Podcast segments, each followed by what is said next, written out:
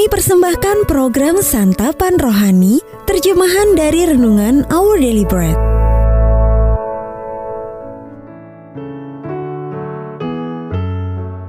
Sahabat ODB, pembacaan Alkitab hari ini terambil dari Amsal pasal yang kelima ayat yang pertama sampai dengan ayat yang ke-14. Amsal pasal yang kelima ayat yang pertama sampai dengan ayat yang ke-14. Nasihat mengenai persinahan. Hai anakku, perhatikanlah hikmatku. Arahkanlah telingamu kepada kepandaian yang kuajarkan supaya engkau berpegang pada kebijaksanaan dan bibirmu memelihara pengetahuan. Karena bibir perempuan jalang menitikkan tetesan madu, dan langit-langit mulutnya lebih licin daripada minyak. Tetapi kemudian ia pahit seperti empedu, dan tajam seperti pedang bermata dua. Kakinya turun menuju maut, langkahnya menuju dunia orang mati ia tidak menempuh jalan kehidupan. Jalannya sesat tanpa diketahuinya. Sebab itu, hai anak-anak, dengarkanlah aku. Janganlah kamu menyimpang daripada perkataan mulutku. Jauhkanlah jalanmu daripada dia, dan janganlah menghampiri pintu rumahnya, supaya engkau jangan menyerahkan keremajaanmu kepada orang lain, dan tahun-tahun umurmu kepada orang kejam, supaya orang lain jangan mengenyangkan diri dengan kekayaanmu, dan hasil susah payahmu jangan masuk ke rumah orang yang tidak dikenal. Dan pada akhirnya, engkau akan mengeluh kalau daging dan tubuhmu habis binasa. Lalu engkau akan berkata, "Ah, mengapa aku benci kepada didikan, dan hatiku menolak teguran?" Mengapa aku tidak mendengarkan suara guru-guruku dan tidak mengarahkan telingaku kepada pengajar-pengajarku? Aku nyaris terjerumus ke dalam tiap malapetaka di tengah-tengah jemaah dan perkumpulan. Ayat Mas, renungan hari ini terambil dari Amsal pasal yang kelima ayat yang ke-8. Jauhkanlah jalanmu daripada dia, dan janganlah menghampiri pintu rumahnya Judul renungan kali ini Jauhilah Pintu Itu, ditulis oleh Sheridan Fauci.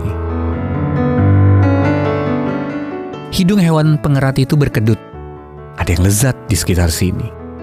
Dan benar saja aromanya mengarah ke wadah pakan burung yang penuh biji-bijian lezat. Si dormouse menuruni lantai menuju wadah, lalu menyelinap masuk melalui pintu kecil. Di sana ia makan dan makan sepanjang malam. Baru di pagi hari ia menyadari masalah besar yang dihadapinya. Burung-burung sekarang mematukinya melalui pintu wadah tersebut. Tetapi setelah makan semalaman, ukuran tubuhnya sekarang dua kali lipat dari sebelumnya, dan ia tidak dapat meloloskan diri. Pintu dapat membawa kita ke tempat yang indah, atau sebaliknya, berbahaya. Sebuah pintu ditonjolkan dalam nasihat Salomo di Amsal pasal yang kelima tentang menjauhi godaan seksual. Salomo berkata, Walaupun dosa seksual mungkin tampak memikat, masalah sudah menanti jika kita mengejarnya. Pasal yang kelima ayat yang ketiga sampai dengan ayat yang keenam. Jadi lebih baik menjauh darinya, karena jika Anda melangkah melalui pintu itu, Anda akan terjebak. Kehormatan Anda hilang, kekayaan Anda habis dimakan orang lain. Salomo menasihati kita untuk menikmati keintiman dari pasangan kita sendiri. Nasihatnya dapat diterapkan pada dosa secara lebih luas. Entah itu godaan untuk makan berlebihan, memboroskan uang, atau hal lainnya. Allah sanggup menolong kita menjauhi pintu yang mengarah ke jebakan. Dormhouse itu pasti senang ketika pemilik rumah menemukannya dalam wadah pakan burung dan membebaskannya. Syukurlah, tangan Allah juga siap membebaskan kita saat kita terjebak. Namun, marilah kita memohon kekuatannya untuk menghindari pintu jebakan tersebut sejak awal. Sahabat ODB, pintu apa yang membawa Anda kepada godaan terbesar? Lalu bagaimana cara Anda menghindari pintu itu hari ini. Maha Kuasa tolonglah aku menjauhi pintu yang membawaku masuk ke dalam jebakan dosa. Our daily bread ministries